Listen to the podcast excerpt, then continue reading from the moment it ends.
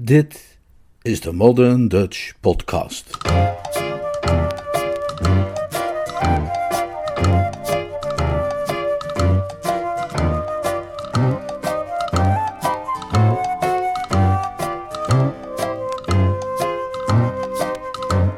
Jill the Musical.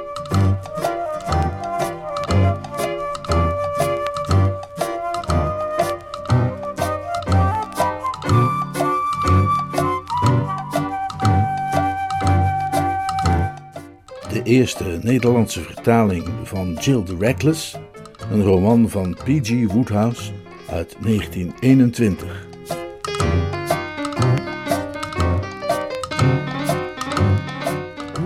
Vertaald en voorgelezen door Leonard Beuger.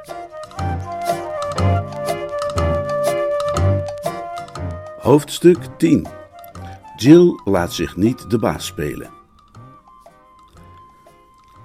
De kantoren van de heren Gobel Cohn bevonden zich, net als alles wat in New York met theater te maken heeft, in de buurt van Times Square.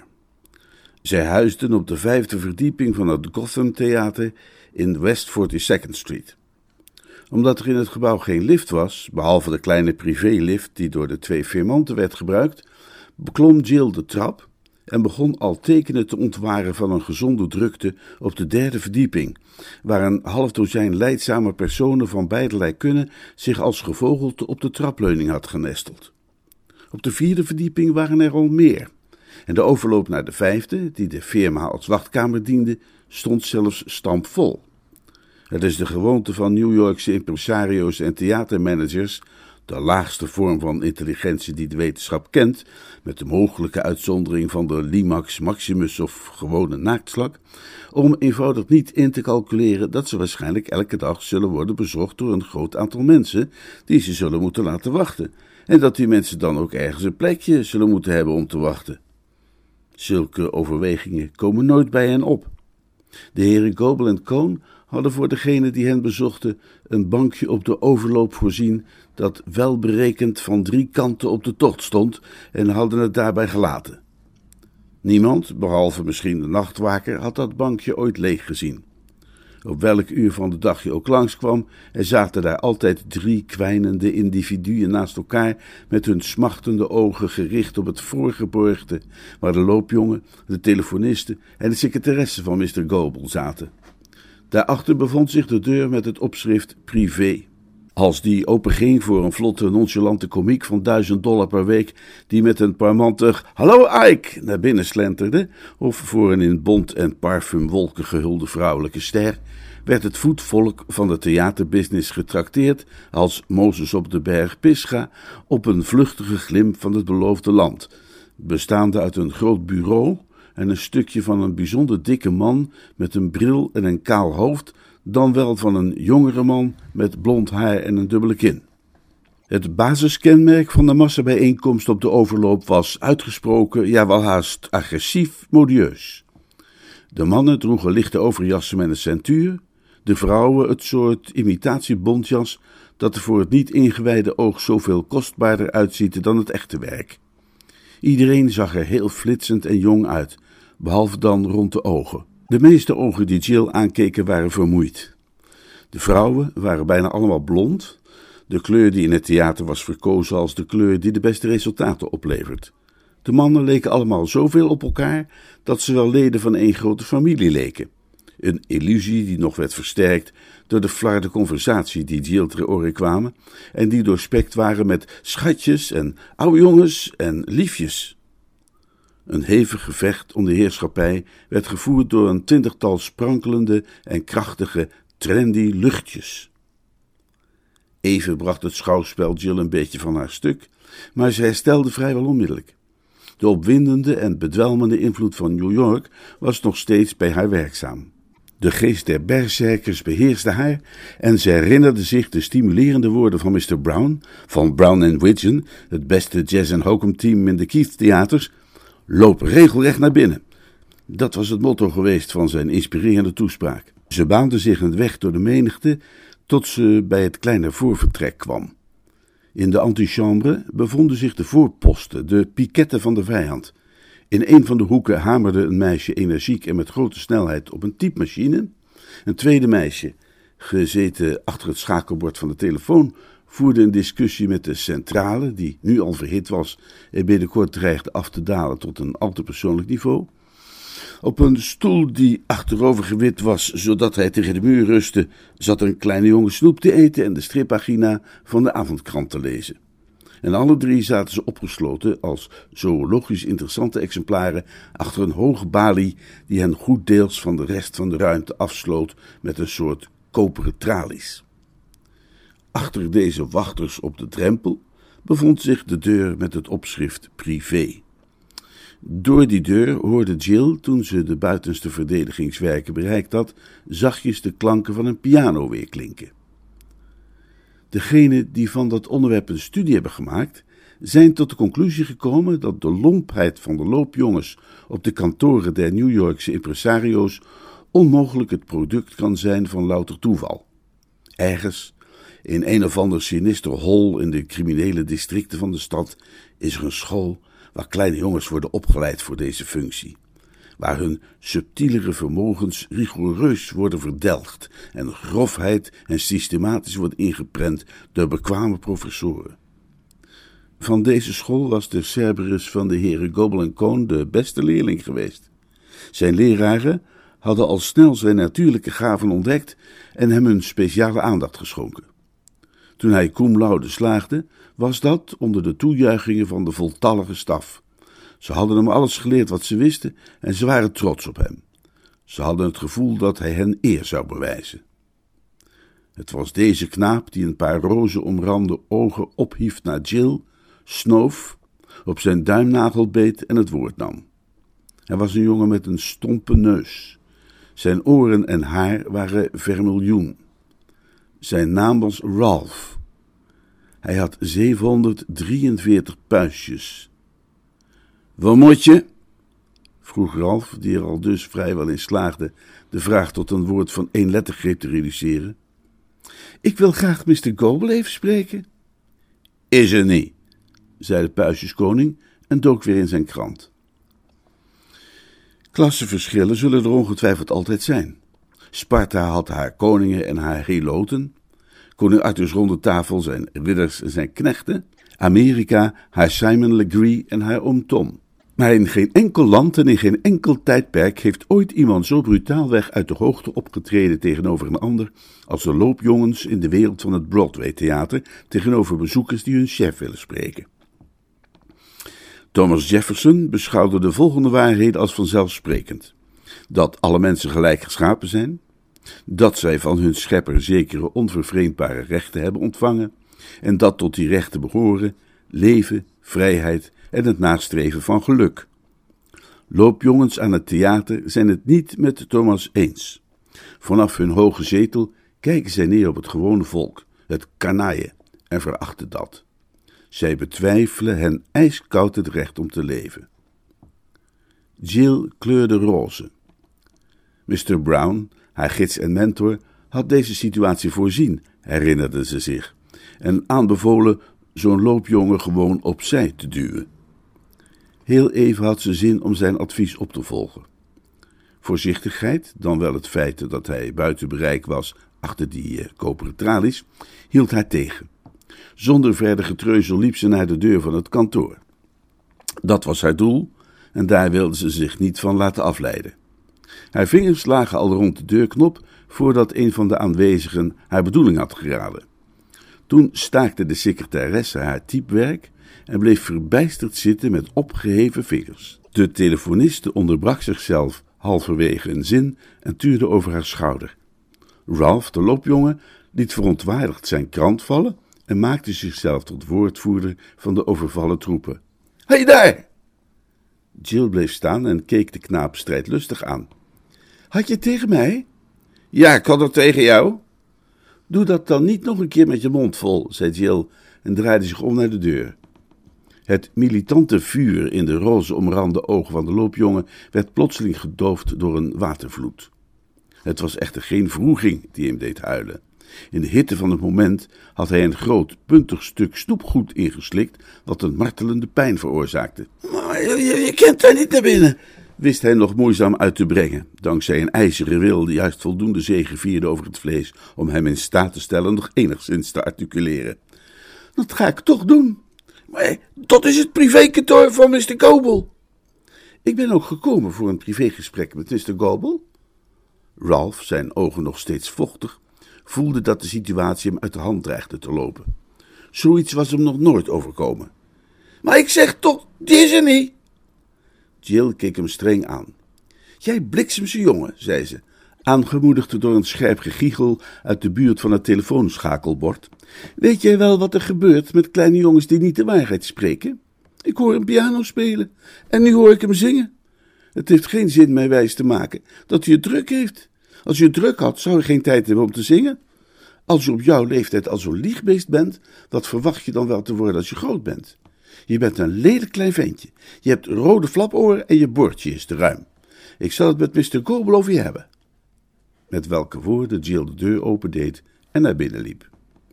Goedemiddag, zei ze opgewekt. Na de massale drukte en het ongemeubileerde ongemak van de overloop had het vertrek waarin Jill zich nu bevond wel iets gezelligs en bijna luxueus. Het was een ruime, welgevulde kamer.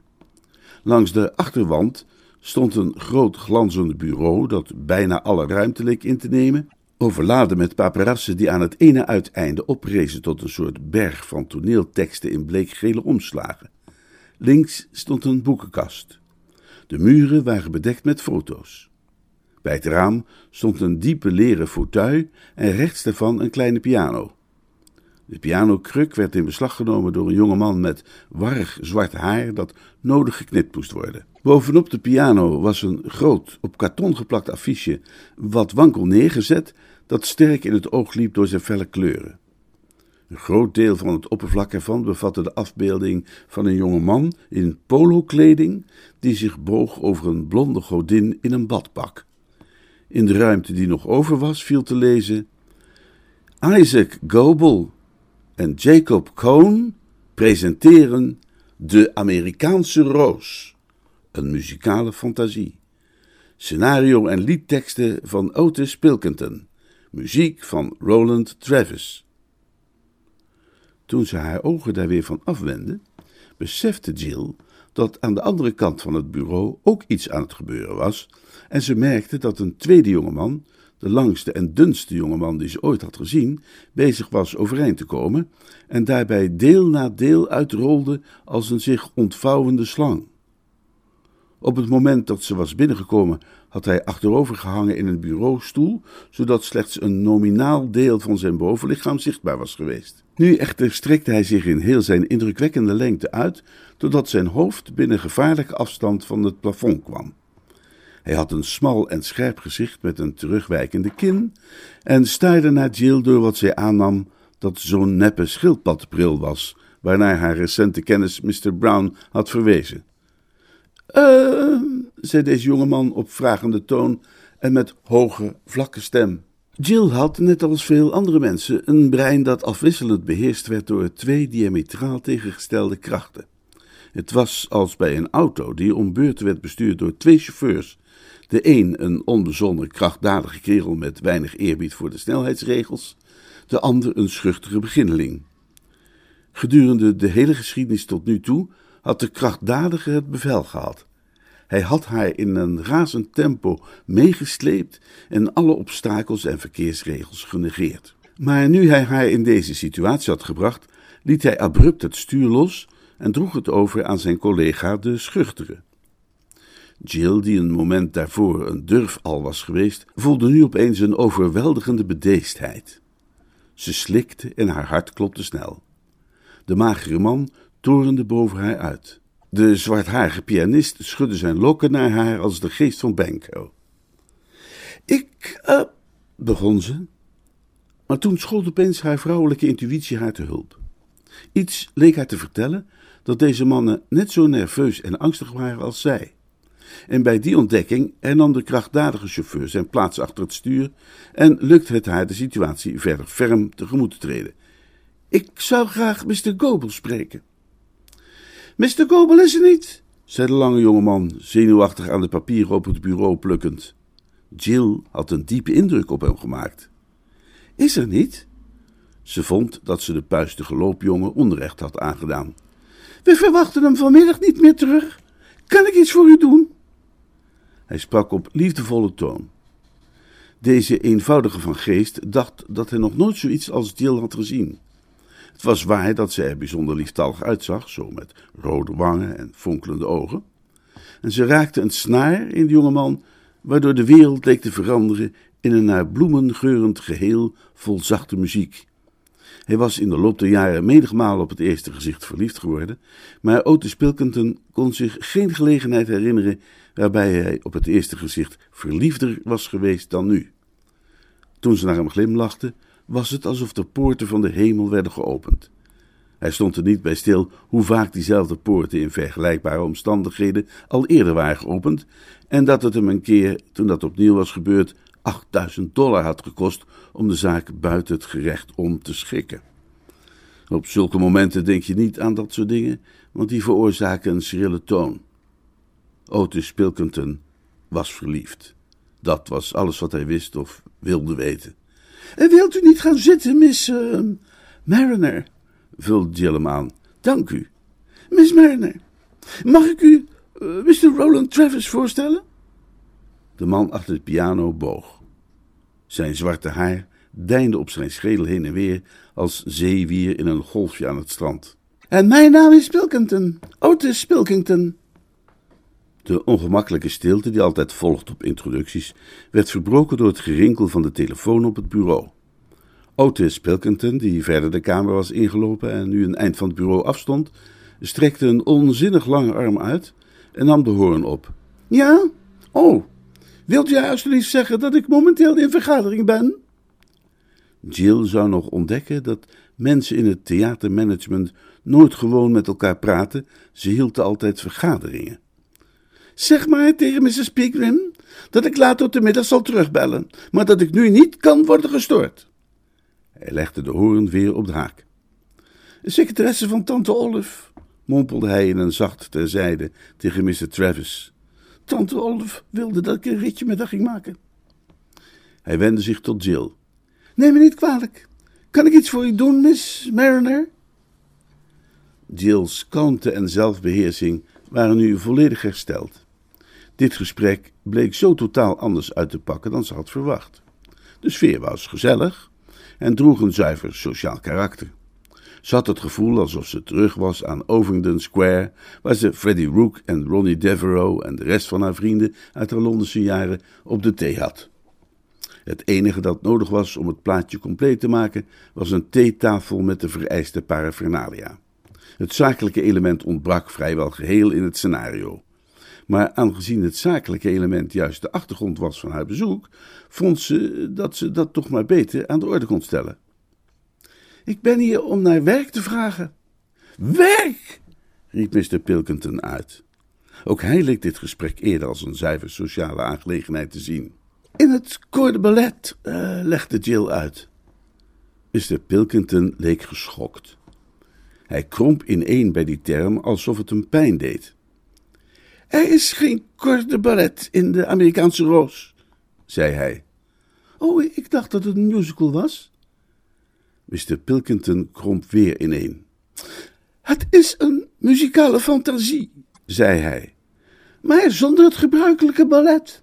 Wij zullen gebruik maken, voegde hij eraan toe op licht berispende toon, van de diensten van een twaalftal verfijnde jonge dames uit het ensemble. Jill lachte. Dat klinkt al veel beter, dat is waar, zei ze. Maar ben ik daarvoor verfijnd genoeg, denkt u? Ik zal maar al te blij zijn wanneer u zich bij ons wilt voegen, zei Mr. Pilkington prompt. De langharige componist keek twijfelachtig. Hij sloeg een hoge noot aan en draaide zich om op zijn kruk. Uh, neem me niet kwalijk dat ik het zeg, Oti, maar we hebben al twaalf meisjes. Dan moeten wij er dertien hebben, zei Otis Pilkington resoluut. Zijn ongeluksgetal, argumenteerde Mr. Travis. Dat kan me niet schelen. We moeten Miss Mariner beslist erbij hebben. Je kunt zelf zien dat ze precies het type is dat we nodig hebben. Hij sprak met gevoel. Vanaf het moment dat de casting was begonnen, had hij met weemoed teruggedacht aan de avond waarop de Amerikaanse Roos zijn première had beleefd. Afgelopen zomer in het huis van zijn tante in Newport, met een sterrenkast van favorieten uit de betere kringen en een ensemble dat volledig was samengesteld uit debutantes en andere jonge dames van stand. Dat was het soort gezelschap dat hij ook had willen samenbrengen voor de professionele versie van het stuk. Maar tot vanmiddag had hij niets dan teleurstelling ontmoet. Jill leek het enige meisje te zijn in New Yorkse theaterkringen dat voldeed aan de norm die hij zo graag had gezien. Dank u zeer, zei Jill. Er viel een nieuwe stilte. Het sociale element drong zich weer op. Jill voelde de wens als van een gastvrouw om het gesprek op gang te houden. Ik hoor, zei ze, dat dit stuk een soort Gilbert en Sullivan opera is. Mr. Pilkington dacht daar even over na. Ik moet bekennen, zei hij, dat ik bij het schrijven van de tekst Gilbert wel als voorbeeld heb gezien. Of ik er in enig opzicht in geslaagd ben. De tekst, zei Mr. Travis, terwijl hij met zijn vingers over de piano streek, is net zo goed als alles wat Gilbert ooit heeft geschreven. Och, kom, Rowley, protesteerde Mr. Pilkington bescheiden. Beter nog, hield Mr. Travis vol. Om te beginnen is het helemaal bij de tijd.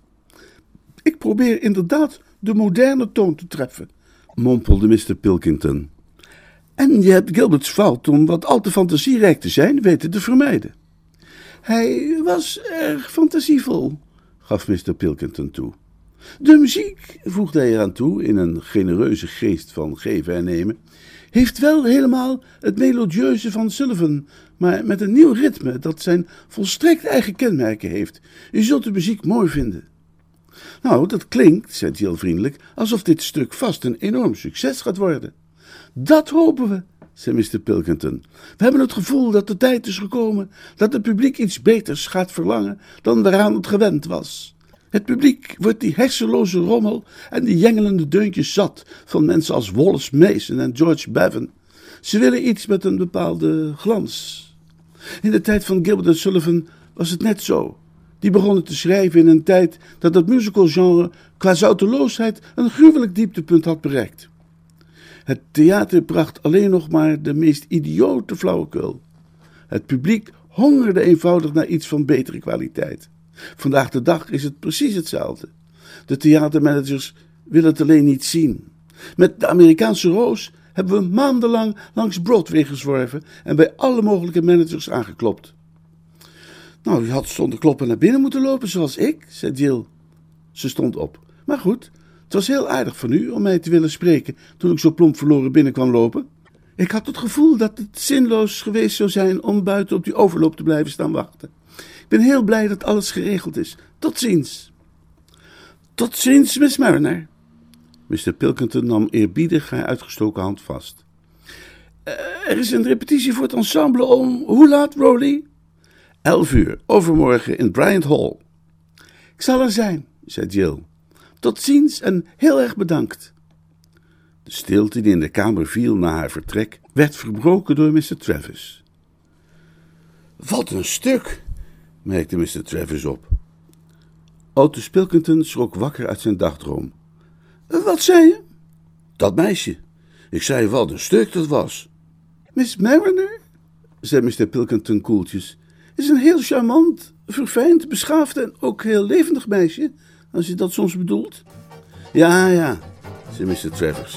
Dat was wat ik bedoelde.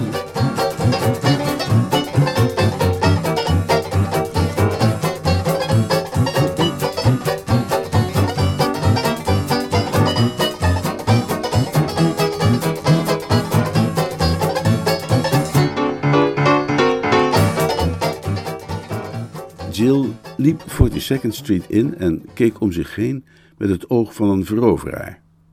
Er was heel weinig veranderd aan hoe New York eruit zag sinds ze het Gotham Theater was binnengegaan, maar het leek haar opeens een andere stad. Een uur geleden was ze een vreemdeling geweest die doelloos langs de stroomversnellingen dreef, maar nu maakte ze deel uit van New York en New York maakte deel uit van haar. Ze had de stad recht in de ogen gekeken en die gedwongen in haar levensonderhoud te voorzien. Ze liep verder met een nieuwe veerkracht in haar pas. Het adres dat Nelly haar had gegeven was aan de oostkant van Fifth Avenue. Ze liep langs 42nd Street. Het leek haar de meest vrolijke en levendige straat die ze ooit had gezien. Het geratel van de bovengrondse, toen ze Sixth Avenue overstak, klonk haar als muziek in de oren.